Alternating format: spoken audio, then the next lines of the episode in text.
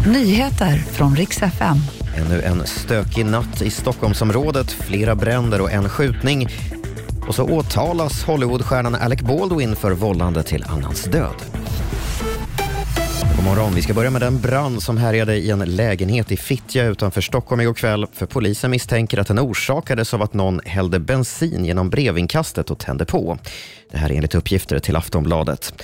En kvinna i 30-årsåldern fick hoppa ut från lägenheten och föras till sjukhus.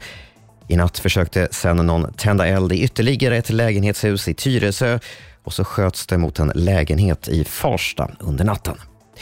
Så ska jag berätta att skådisen Alec Baldwin nu åtalas för vållande till annans död efter dödsskjutningen av en filmfotograf under inspelningen av filmen Rust. Det var i oktober 2021 som Baldwin avfyrade ett rekvisitavapen som visade sig vara skarpladdat, vilket alltså fick tragiska konsekvenser. Baldwin har hela tiden frånsagt sig ansvaret för fotografens död och sagt att skarp ammunition aldrig borde tillåtas på inspelningar. Och det var de senaste nyheterna. Jag heter Robin Kalmegård.